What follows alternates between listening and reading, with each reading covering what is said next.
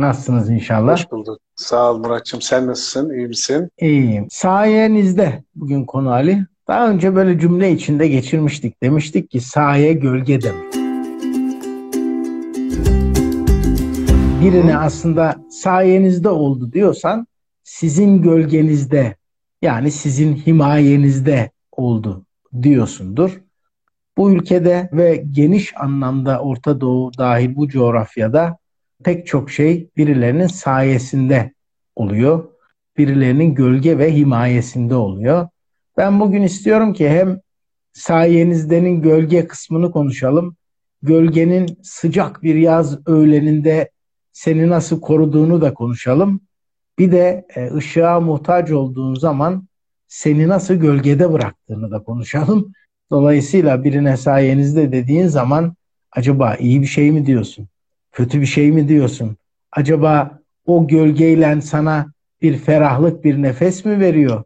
Yoksa o sağladığı geçici gölgeyle aslında senin ihtiyaç duyduğun ve görürsen yeşereceğin, büyüyeceğin güneşin, ışığın önünü mü kesiyor? Bir onu konuşalım istiyorum. Evet, buyur. Şimdi sayesinde kelimesinin bence iki tane anlamı var.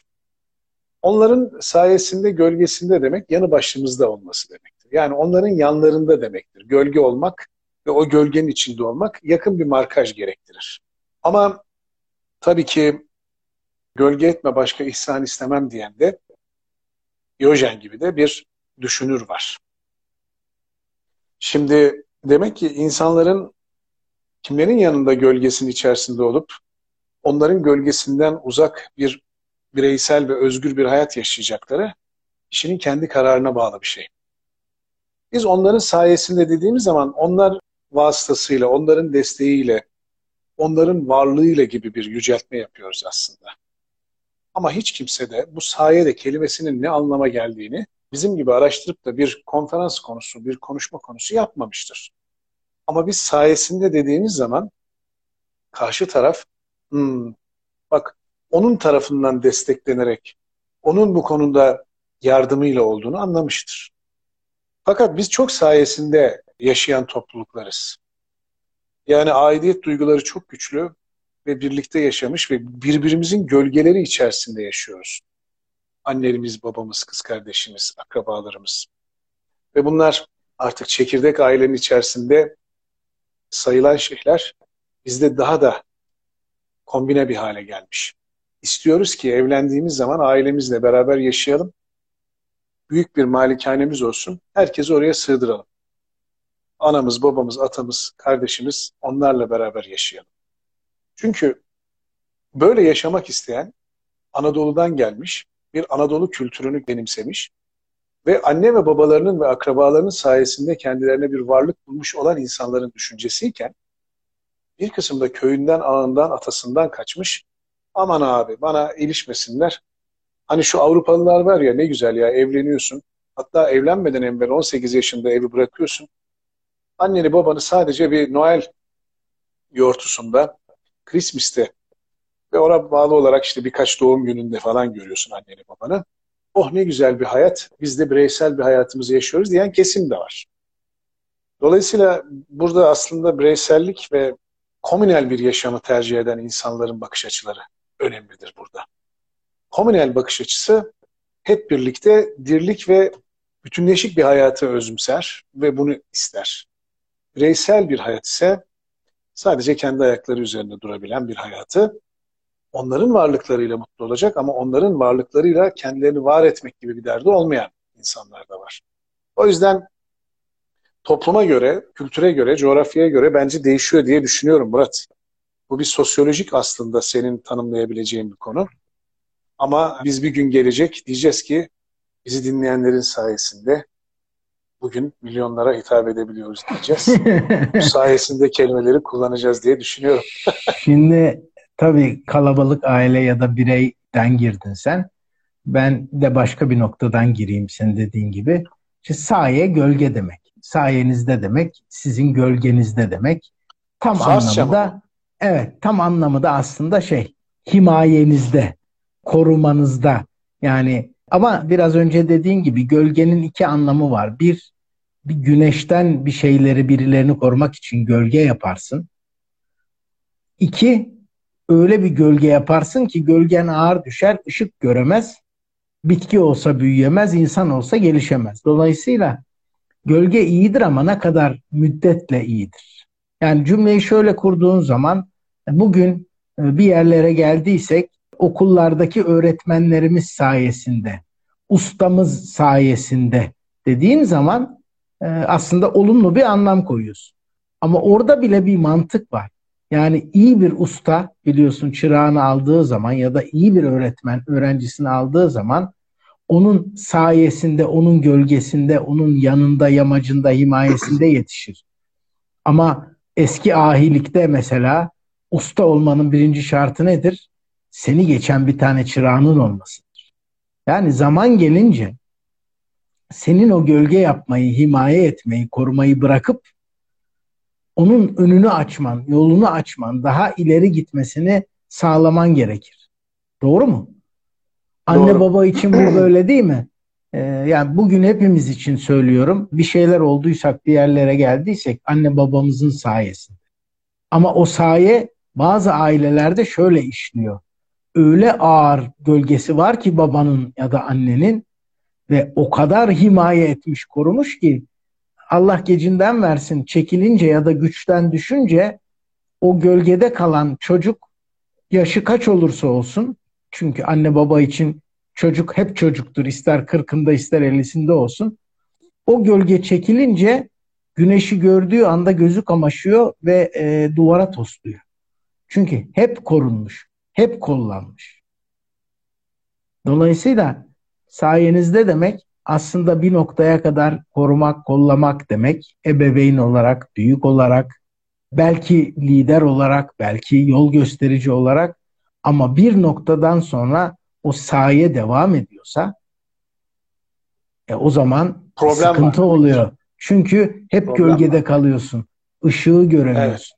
Evet. Evet, İki anlamı önemli. Yani bugün demin ne dedim? Öğretmenler sayesinde Bugün belli yerlere geldik, bilgiler edindik. Şunu da kullanabilirsin. Bunların sayesinde bugün bir buçuk milyon sanatçı aç. Burada sayesinde tabii. dediğin zaman aslında yüzünden demek istiyorsun. Tabii yüzünden Bunların gölgesinde, gölgesinde çünkü öyle gölge şey ediyorlar ki evet. evet yani saye bazen seni ışıktan koruyor ama bazen de öyle bir dikiliyor ki önüne bile isteye ışık almanı, ruhunun ışık almasını, aklının ışık almasını engeller hale geliyor diyorum. Murat, bütün toplumlarda özellikle az gelişmiş ülkelerde diyelim, bütün toplumlardan kastım aslında genel bir topluluk yapısı değil de az gelişmiş ülkeleri kastettim. O yüzden düzeltiyorum genel olarak. Bu hayatta tadı tuzu olmamış, ne şeker olmuş, ne zehir olmuş, kendi halinde yaşayan, kimseye güzellikler de verecek motivasyonu olmayan ama kendi iç dünyasındaki o kin ve aslında o büyük tepkiyi de yine dışarıya değil ama içinde gömen birçok emekçi, birçok bu konuda orta gelirli ve orta gelirin altında insanlar var. Ve bunlar esnaf ve zanaatkar dediğimiz ağırlığını oluşturan kesim. Bu kesim korunabilseydi eğer, bu kesim ihalelerde vergi borçlarını, beş tane adamın vergi borçlarını bir yıllık kaldırabildiğin parayı eğer hazinede tutabilseydin, şu anda bu küçük esnafa, sanatkar ve zanaatkara, ticaret yapan erbaba, ticaret erbabı yapan küçük esnafa, orta gelir ve orta gelirin altındaki insanlara, nüfusun neredeyse yüzde seksenini oluşturan bu insanlara bir el uzanırdı.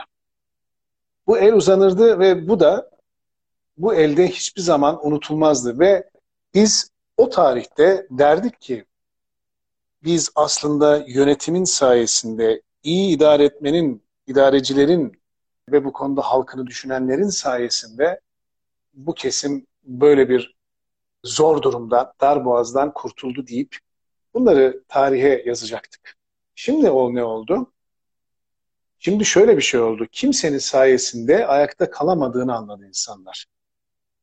aslında yaşanılan ya da her sayenizde battık derstir. diyebilecek hale geldi. Ya da sayenizde battık diyebilecek hale geldiler.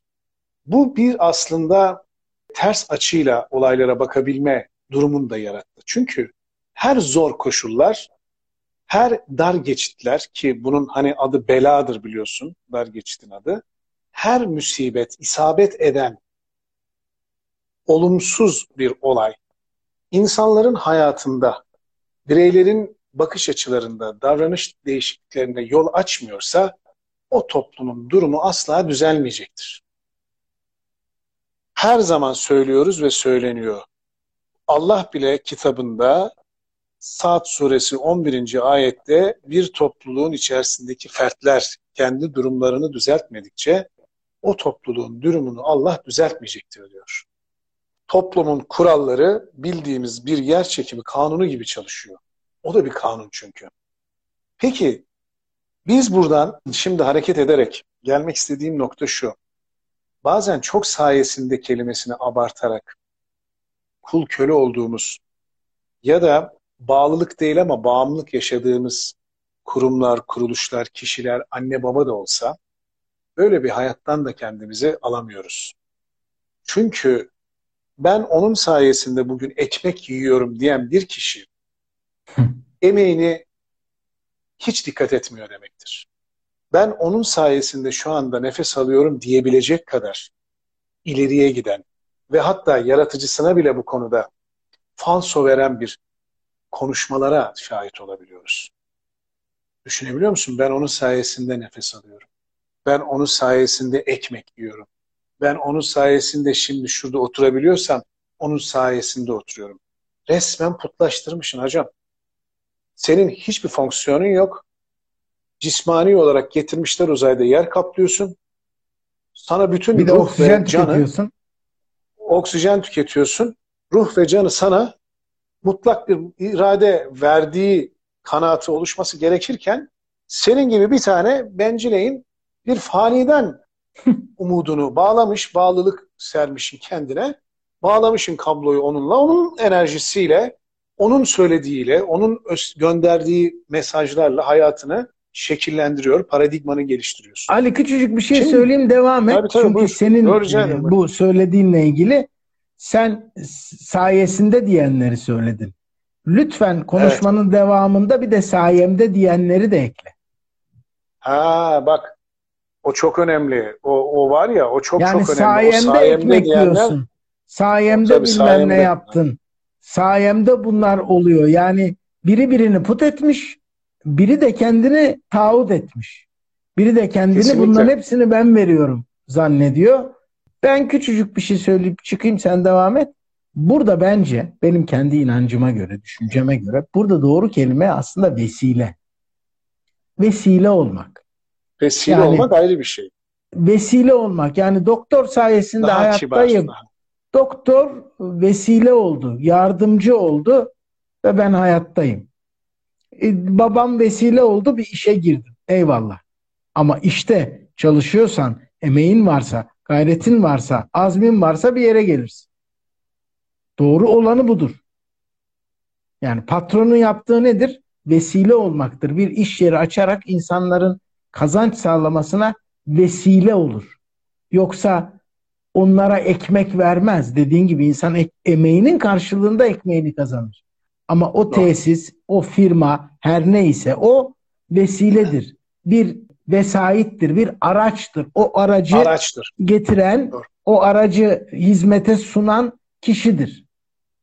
Yani Dolayısıyla şimdi ben vesile ki bu olmak araca çok farklı bir şey. bu araca tapmakla artık bağlılık noktasında değil, bağımlılık noktasına gelmek o aracın imalatını, dizaynını, projesini yapan bir kişiye hayran kalmakla farklı bir şey. Yani vesile olunan şey de bir aracılık da aslında kendi içinde bir öz barındırır. Nasıl bir aracın içinde, kendi içinde bir öz yani bir projesi vardır. Onu birisi hayal etmiştir ve onu kağıda, kağıttan da metale ve hareket eden bir şeye getirebilmiştir.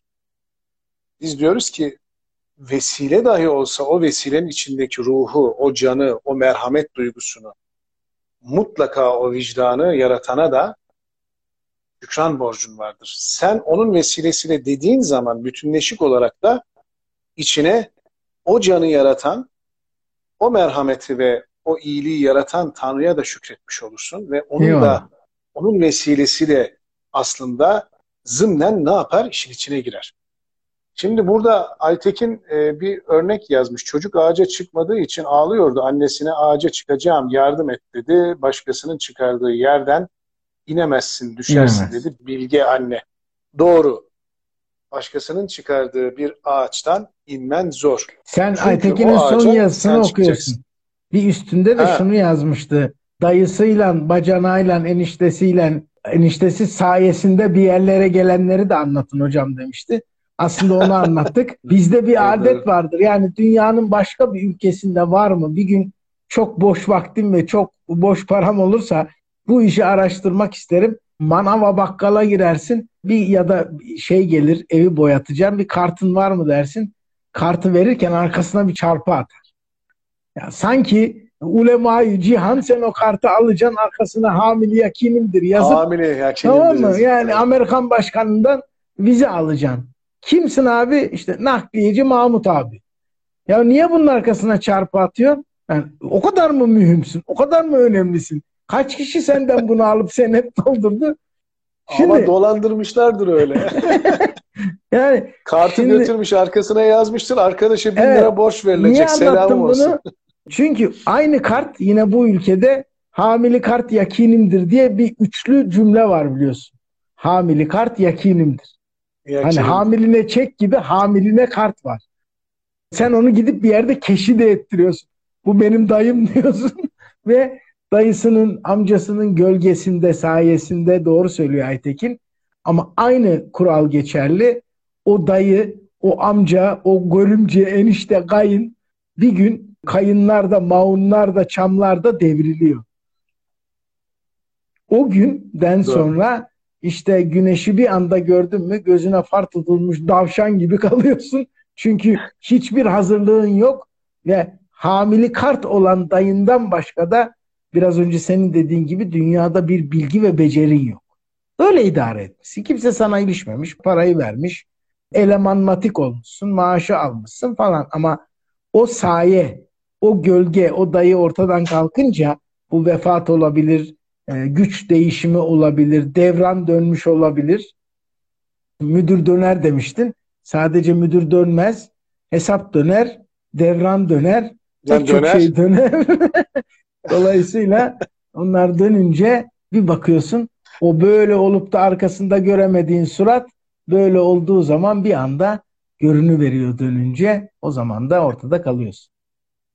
Murat e, aklıma tasavvuftaki şu e, benzetme geldi. Yakin kelimesini kullanınca. Yakin yakın anlamına değil aslında ama aynı kökten besleniyor. Üç türlü yakinlik vardır. İlmel yakin, aynel yakin, hakken yakin. Şimdi tabi tasavvuftan örnek verdiğimiz için Mekke'ye örnek verelim. Şimdi sen hiç Mekke'ye gitmedin görmedim Mekke'yi. Fakat Mekke'nin bütün tarihçesini biliyorsun. O günkü sosyolojiyi biliyorsun. O Mekke ile ilgili öğrenmen gereken her şeyi öğrendin. Ve bununla ilgili bir konferans verdin. Ve insanlar dediler ki hiç Mekke'ye gittiniz mi? Hayır dedin, inanmıyoruz dediler. O kadar kendine güvenerek anlatıyorsun ki, o kadar bilgi var ki nereden gelirse gelsin soru cevabını veriyorsun. Biz buna ilmel yakin diyoruz. Yani ilmin getirmiş olduğu aydınlanma. Aynel yakin. Ben Türkçe Sen, mealini söyleyeyim. Yalamış de, yutmuş demek. Yalamış yutmuş demek evet. Çok güzel. Aynel yakin aynı kökünden geliyor. Gözünle gördüğün, aynı ve yaşadığın, tecrübe ettiğin bir yer orası. Mekke'de yaşamışsın. Ve Mekke'yi biliyorsun.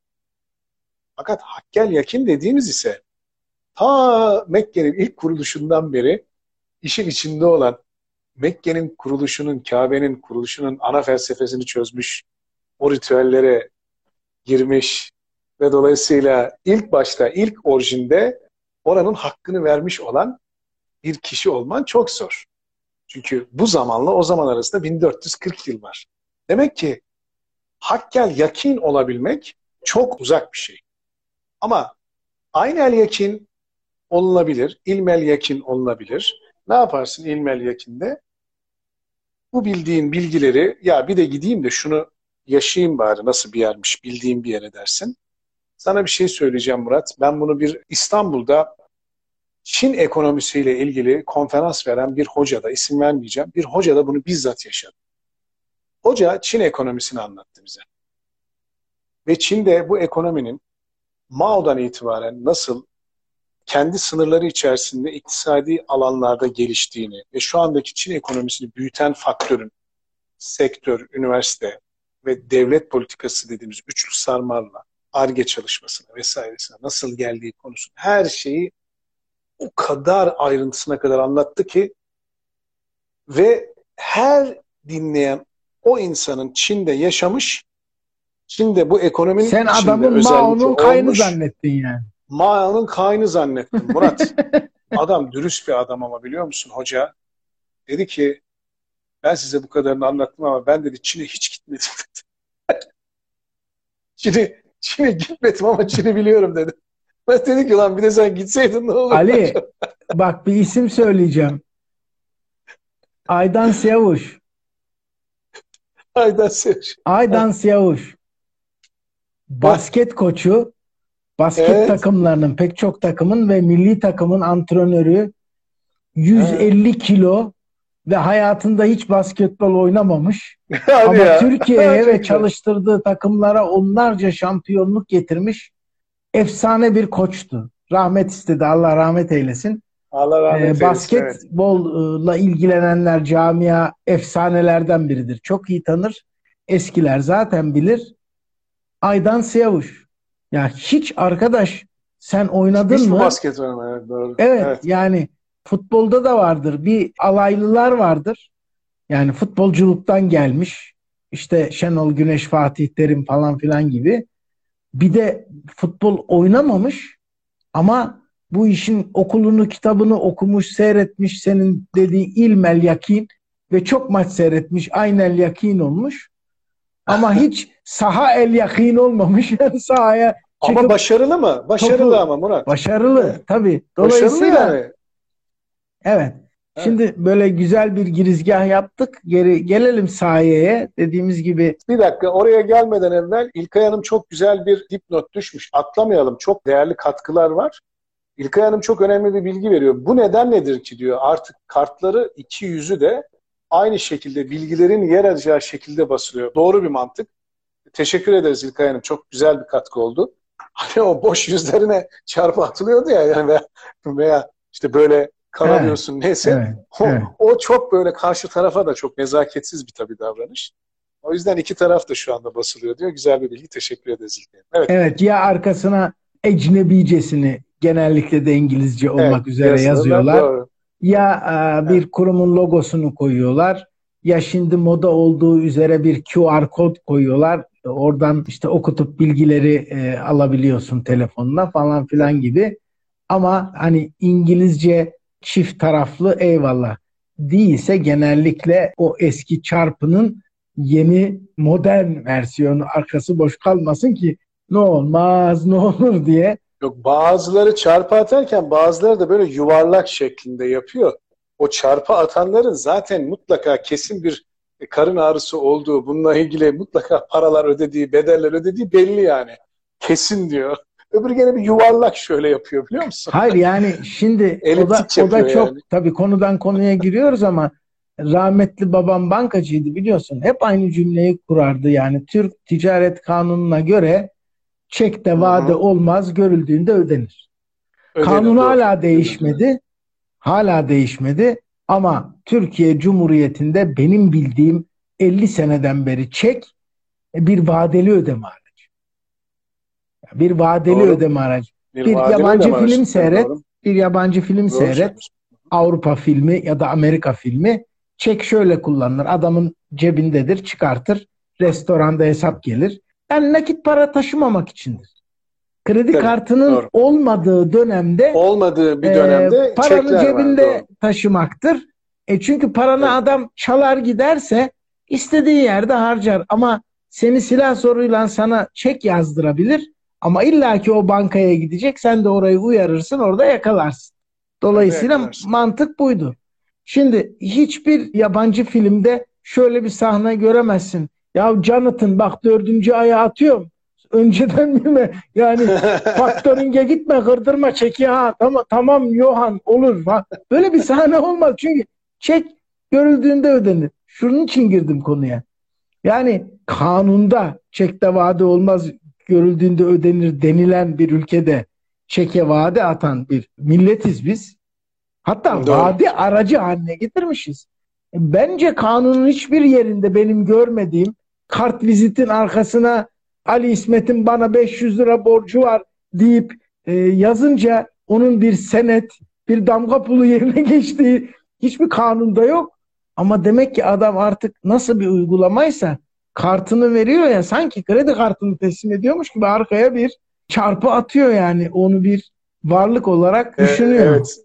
Aklıma şey geldi bu çek dediğimiz, senet dediğimiz ya da kredi kartının orta çağda Haçlı seferlerinde özellikle 2. Haçlı seferlerinde 13. yüzyılda Aytekin düzelt beni 13. yüzyıl mı 12. yüzyıl mı bak hatırlayamadım. E bu 12 şeye ya da 13. şimdi yüzyılda. kim 500 milyara benzedi. Aytekin'e danışma hakkımı kullanmak istiyorum. Şeye de sorabiliriz yarı yarıya hak. Tapınak İsa'nın şövalyeleri fakir askerleri, tarafından. tapınak şövalyeleri İsa'nın Zaten e, kim fak- ben fakirim fukarayım diyorsa Ali. inanmayacaksın. Karikatür var biliyorsun değil mi? Meşhur çocuk yatakta yatmış yorganı da boğazına kadar çekmiş. Ezan susmaz, bayrak inmez falan diyor. Annesi gelmiş yine yatağa sıçtın değil mi diyor.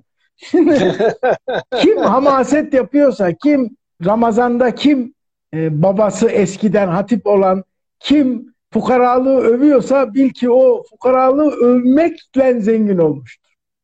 Dur oradan Defalarca söyledim. Dolayısıyla bak 12. yüzyıl diye geldi.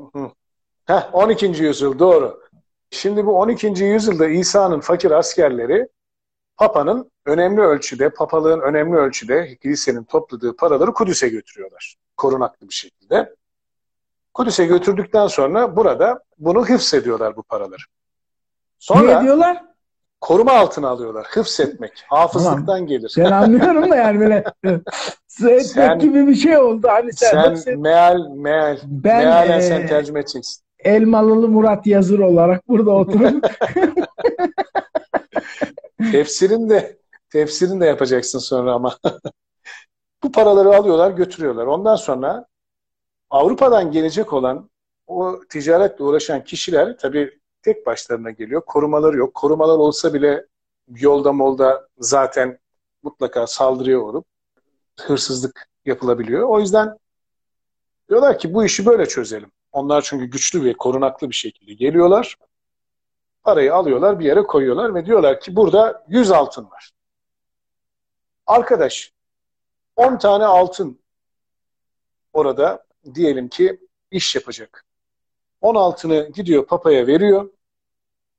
Papadan bir tane berat alıyor. Biz ona senet ya da çek diyelim ya da kredi, kredi kartı. O beratla güzelce gidiyor. Oradaki templiyelere, tapınak şövalyelerine veriyor. 10 cumhuriyet altının yerine 11 cumhuriyet altını veriyor. Bir belki reşattır. Lan Cumhuriyeti? Vallahi. o zaman Türkiye Cumhuriyeti'nde Cumhuriyet altın. Beşi birlik varmış o. Güzel. Beşi birlik.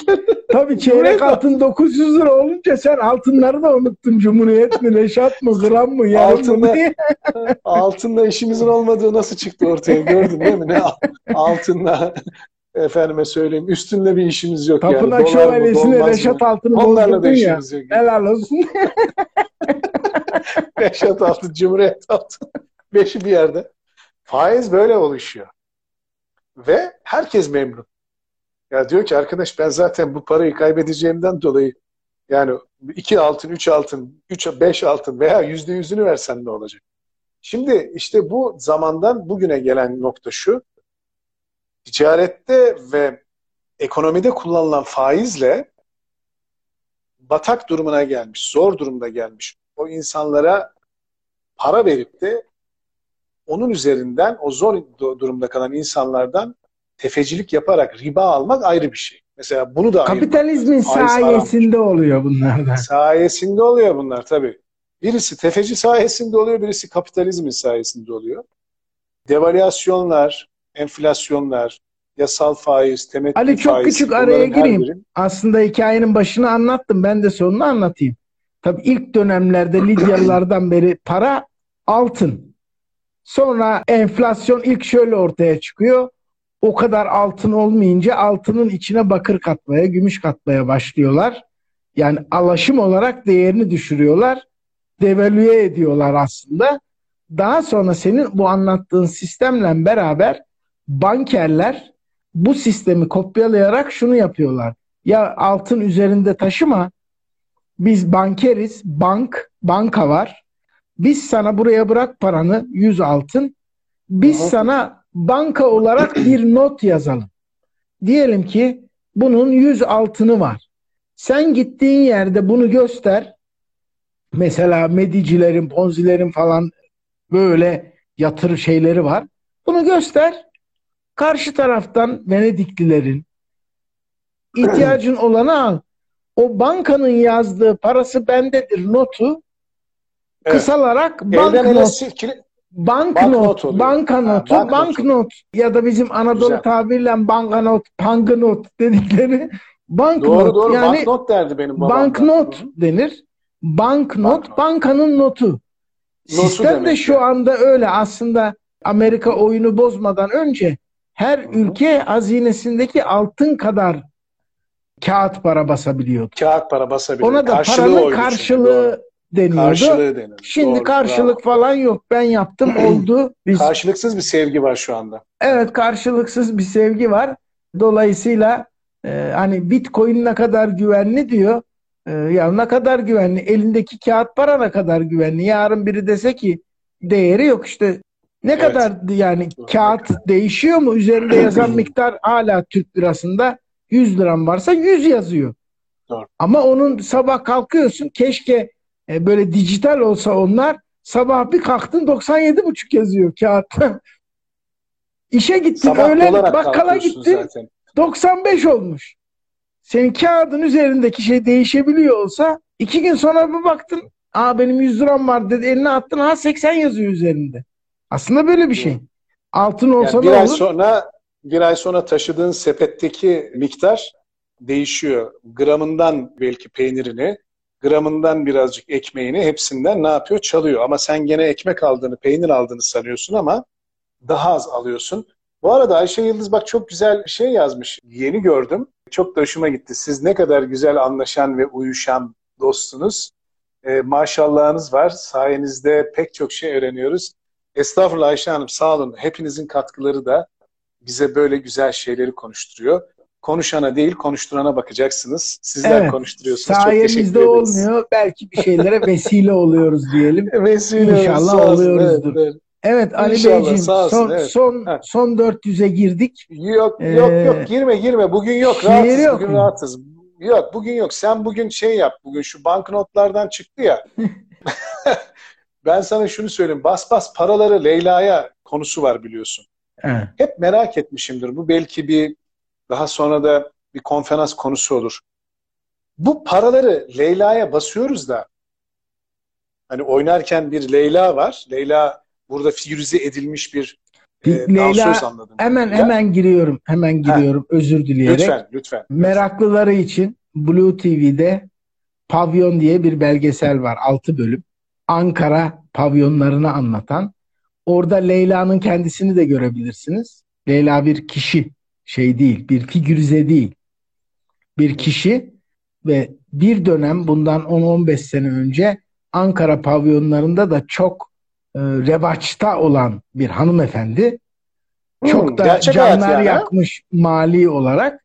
Ve yine Ankaralı işte var ya Ankaralı Oğuz, Ankaralı Turgut gibi onlardan bir tanesi bu olayı bilip kişiyi tanıdığı için bu türküyü yazıyor. Bas bas paraları Leyla'ya bir daha mı geleceksin Ha. dünyaya diye. Dünya Bunun yani, anladım. orijinal hikayesi de dedi ya yapılabilir diye. Hazır yapılmışından veriyorum işte. Blue TV'de ya, başka vallahi yerde bravo. yok.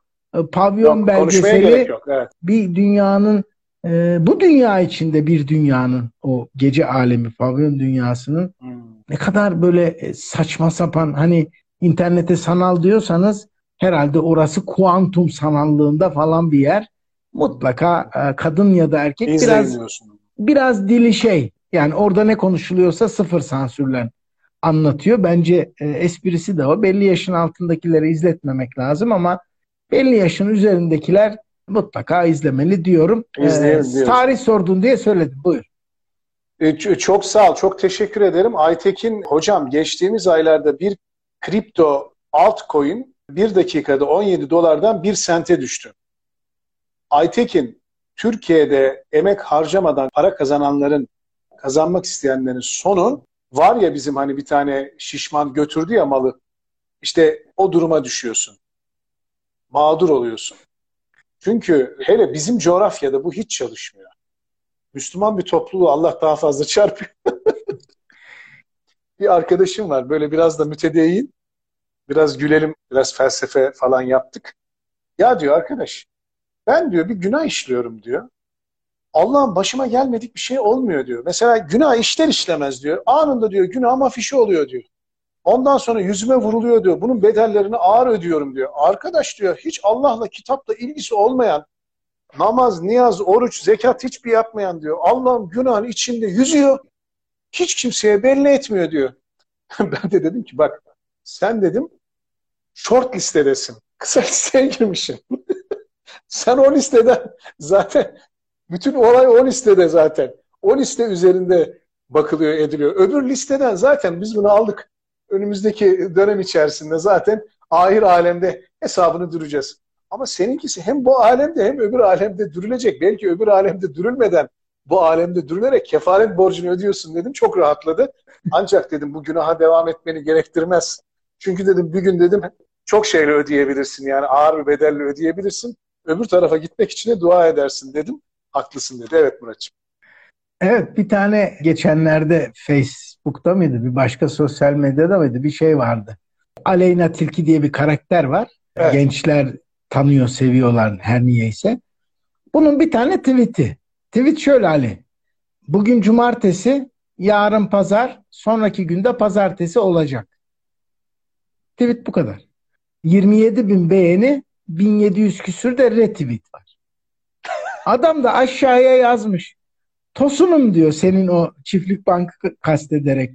Tosunum diyor. Bugüne kadar seni takdir ediyordum. Bunları nasıl kandırdın diye. Bu tweet'i okuyunca diyor hiçbir diyor esprinin olmadığına anladım diyor. Chatte, Şimdi chatte bunun orijinal hikayesi şudur. Hep anlatırlar. Amerikalı bir yazar havaalanında Türkiye'ye ilk defa geliyor. Azinesinden karşılaşıyor. Azinesinde yurt dışına çıkacak. Yanındaki Hı hı. artık menajeri mi kimse diyor ki işte bu da Türkiye'nin en ünlü yazarlarından falan. Adam ayaküstü havaalanında ya diyor üstad ben size Amerika'da çevrilen eserlerinizi okudum. İnanılmazsınız. Nasıl bir mizahi zeka şudur budur öpüyor sarılıyor okşuyor neyse. Bir 6 ay Türkiye'de kalıyor. Gitmeden İstanbul'da yolları kesişiyor Aziz Nesin'le. Aziz Nesin bir şey fark ediyor. O ilk gördüğündeki hürmet, alaka bir şey yok. Diyor ki ya hayırdır sen beni ilk gördüğünde bu kadar teveccüh ettin de niye? Ama diyor üstad diyor ben buraya geldiğimde diyor kitaplarınızı Amerika'da okumuştum. Sizin müthiş bir zekanız, müthiş bir mizah kabiliyetiniz, müthiş bir e, derinliğiniz var zannetmiştim diyor. 6 ay burada yaşayınca anladım ki gördüğünüzü yazıyormuşsunuz siz diyor. Yani orada bir güzel. kurgu, bir fiction, bir hayal yok. Yok Olanı yani. yazıyor Kopya yani. çekiyor hayattan. Dolayısıyla hayattan. İşte adam da özel bir yetenekten kaldırmıyor.